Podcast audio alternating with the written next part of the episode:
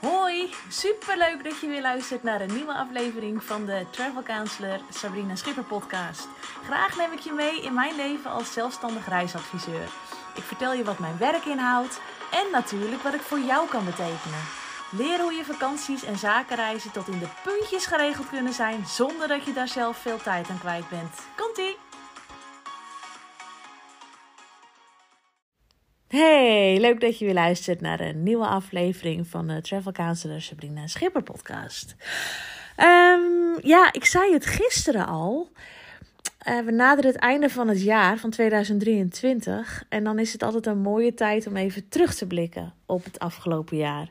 En mijn podcast gisteren ging vooral over de reistrends in 2023. Uh, en deze podcast gaat vooral over mijn bedrijfsvoering in 2023.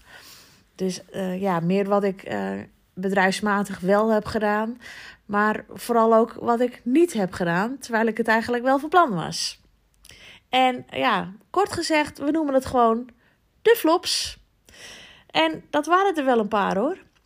Want als je dan een bedrijf gaat starten, ja, dan ben je zo enthousiast en dan wil je zo graag uh, goed lekker knallen.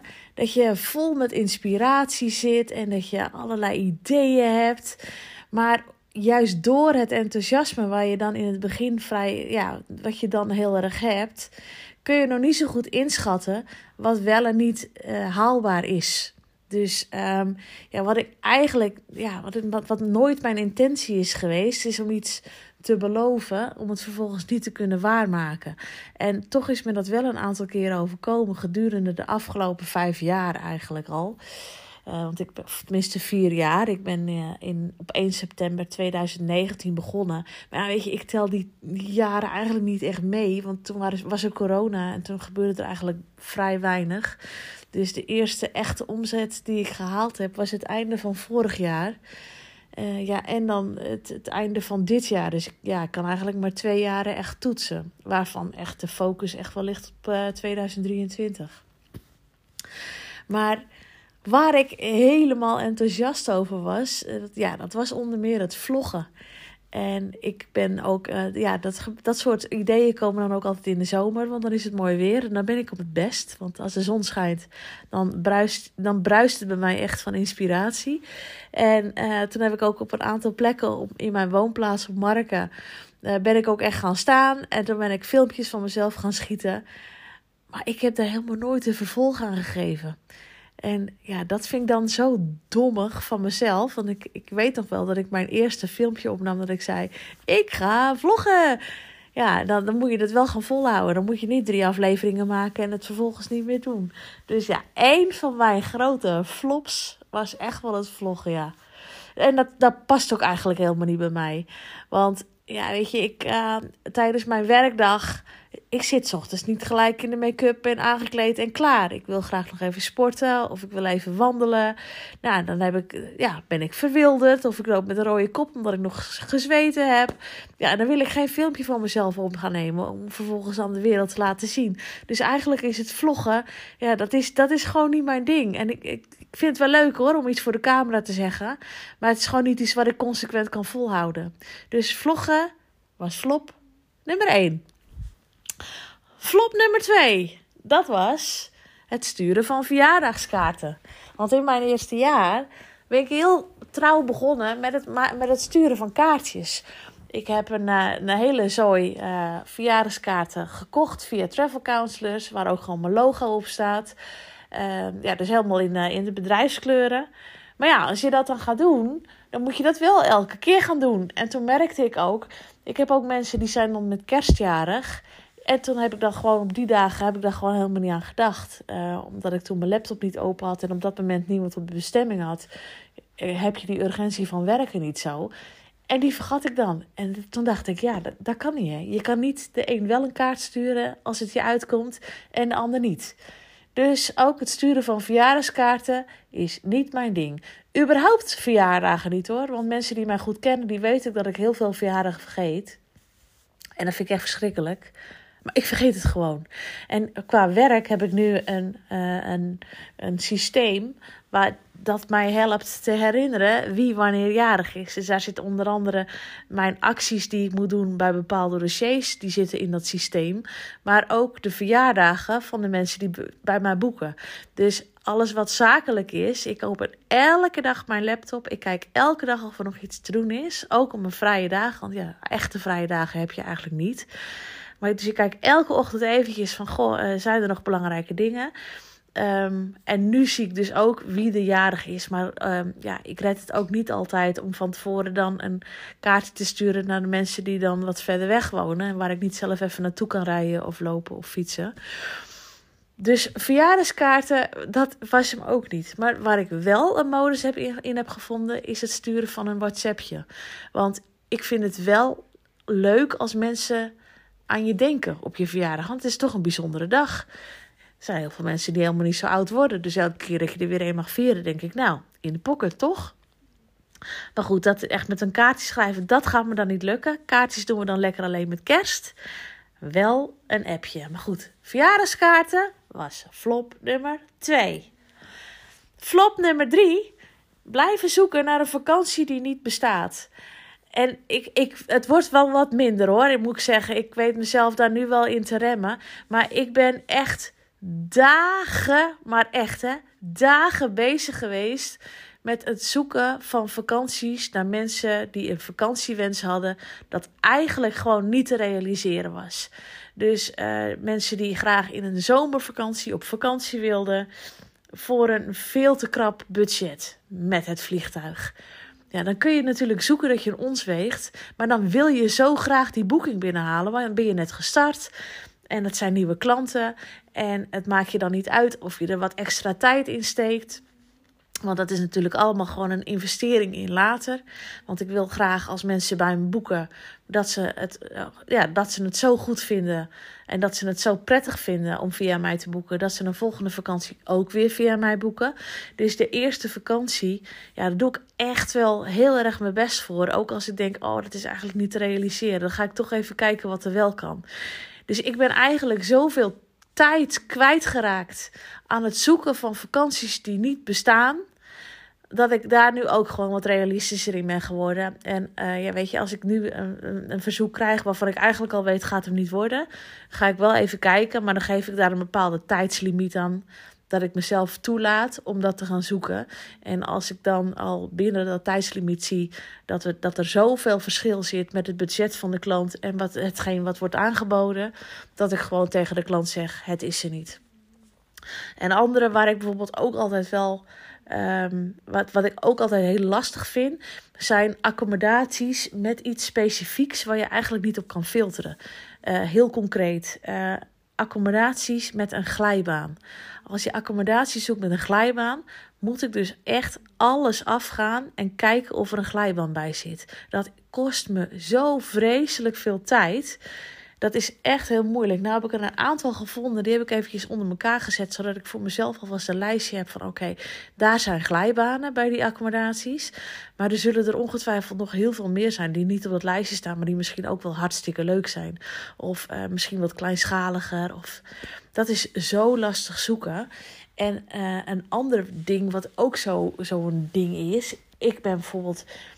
Ik was dit jaar heel lang op zoek naar een kleinschalige accommodatie aan de Spaanse kust. Is er gewoon niet. Dat is er gewoon niet. En ik dacht, nou, het moet er toch gewoon zijn.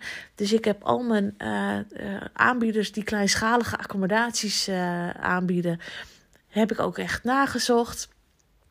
gekeken wat er allemaal beschikbaar was. Maar een echte kleinschalige accommodatie aan de kust, ja, dan heb, hè, heb je het over een appartementje ja, ja, prima. Weet je, dat, dat, dat is er wel. Maar het is niet een klein appartementje met een klein zwembadje. Want dan heb je meestal een appartementje aan de kust. En dan heb je dan een receptietje waar je dan overdag kan inchecken. Waar je verder niet veel van moet verwachten.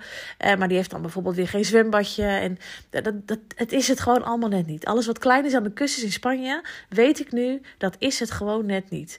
Maar wil je wel, wil je wel een leuke kleinschalige accommodatie, dan heb ik wel nu een beter beeld uh, bij landen waar je dat wel kan vinden. Ehm, zo weet ik bijvoorbeeld in Portugal bij de Algarve, en dan niet in Albufeira, maar de plaatsen die eromheen liggen, liggen hartstikke leuke accommodaties.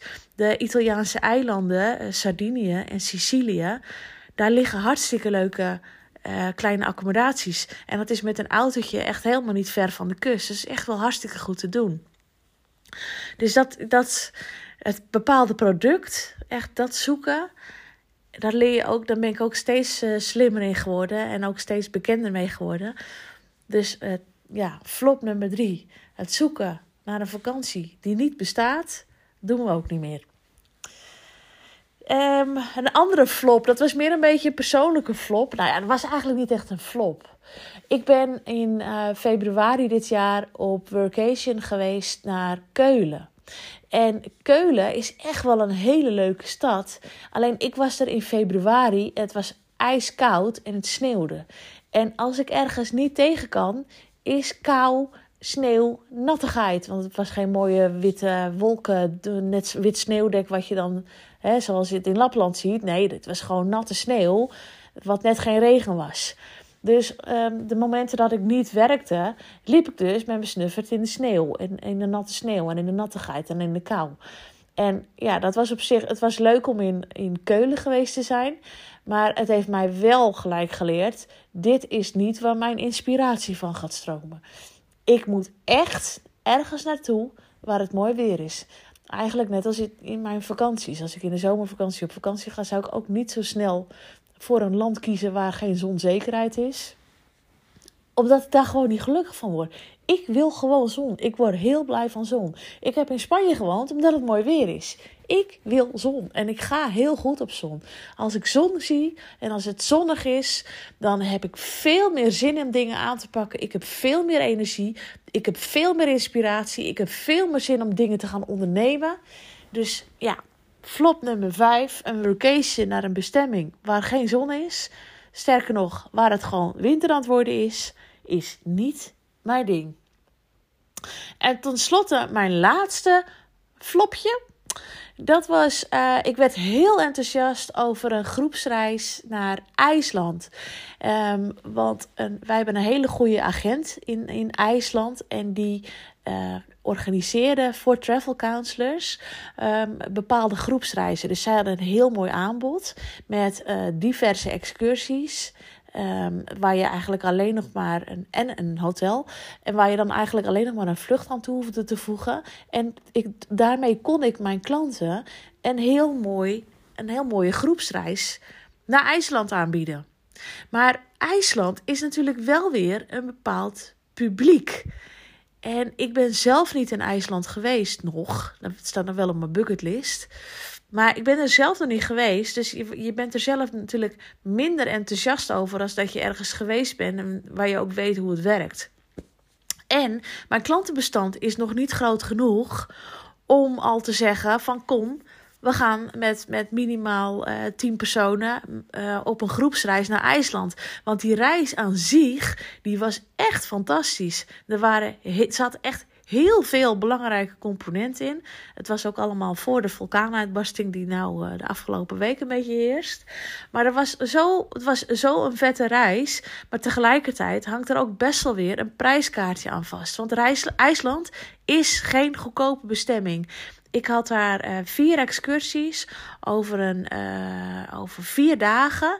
En, um, en een hotel in Reykjavik, wat echt wel leuk aan het centrum lag. Uh, drie sterren, dus helemaal niet zo, zo een raar, raar duur chic luxe.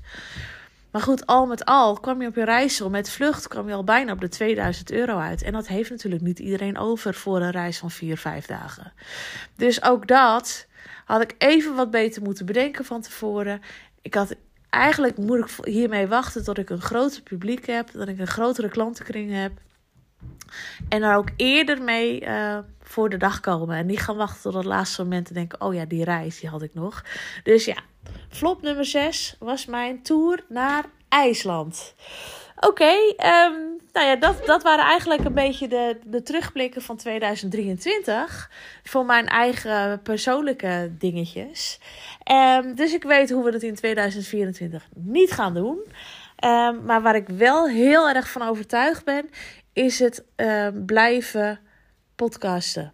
Want ik kan in mijn podcast zoveel meer kwijt dan dat ik kwijt kan op een Facebook of een Instagram. Het is een, uh, ik, kan, ik kan hiermee de diepte ingaan. En ik heb ook echt wel het idee uh, dat jullie mij uh, beter weten te vinden. En dat ik ja, toch veel meer kan vertellen over mijn vak en over de reisbranche aan zich tijdens een podcast. Dus ja, als je nog vragen hebt, vraag, stel me die vraag ook gewoon. stuur me een DM op, op Instagram of op Facebook. Of stuur me een mail. Weet je, je kan, of, of neem gewoon telefonisch contact met me op. Als je vragen hebt naar aanleiding van mijn afleveringen. Of, ja, neem gewoon contact met me op. En vraag het me gewoon. En kijk gewoon of ik iets voor jou kan betekenen. En dit is ook echt iets wat ik wel heel leuk vind om te doen. Want ik zie mijn podcast ook eigenlijk een beetje als een, ja, een dagboek. En ja, het is vandaag 29 uh, nee, 30 december. Vrijdag is het 29 december. Ja, en dat is ook de laatste podcast van 2023. Dus dit is gelijk de laatste dag van de laatste bladzijde van mijn dagboek. Um, ik hoop ook uh, dat, je er nog, dat je ervan genoten hebt. En dat je in ieder geval deze maand, want ik heb echt een hele maand er nu op zitten. Uh, ja, wellicht al heel veel inspiratie hebt kunnen opdoen. Of heel veel ideeën hebt over wat ik kan doen als travel counselor. En wat ik voor jou allemaal kan betekenen. En ik hoop natuurlijk dat je in 2024 ook weer naar me luistert. Um, dus bij deze wens ik iedereen een hele fijne, knallende jaarwisseling. Uh, veel plezier, geniet ervan en een heel goed begin van 2024. Waarin ik natuurlijk weer hoop dat je weer luistert naar de nieuwe aflevering van mijn podcast. Tot volgend jaar! Dat was hem weer. Vond je deze podcast interessant? Zou je dan alsjeblieft een 5-sterren review willen achterlaten op Spotify? Op die manier kan mijn podcast nog beter gevonden worden en kan ik nog meer mensen helpen met het organiseren van hun reizen. Heel erg bedankt alvast en tot de volgende keer.